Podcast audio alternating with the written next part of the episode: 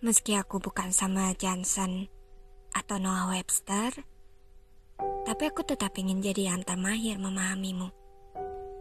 Berusaha menerjemahkanmu meski tanpa panduan buku kamus bahasa kalbu. Aku ingin jadi yang termahir memahamimu.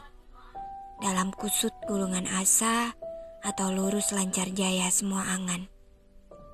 Dalam dia marahmu atau ekstra sabarmu.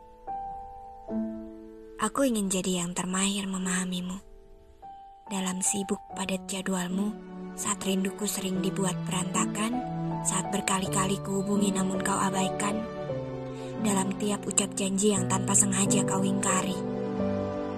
Seperti saat kau bilang akan menemuiku akhir pekan ini, tapi tak juga datang sampai dua hari kemudian.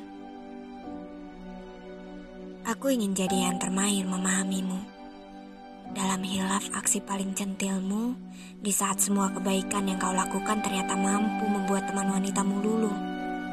Dan aku cuma mampu menambahkan hatiku untuk tidak merasa cemburu.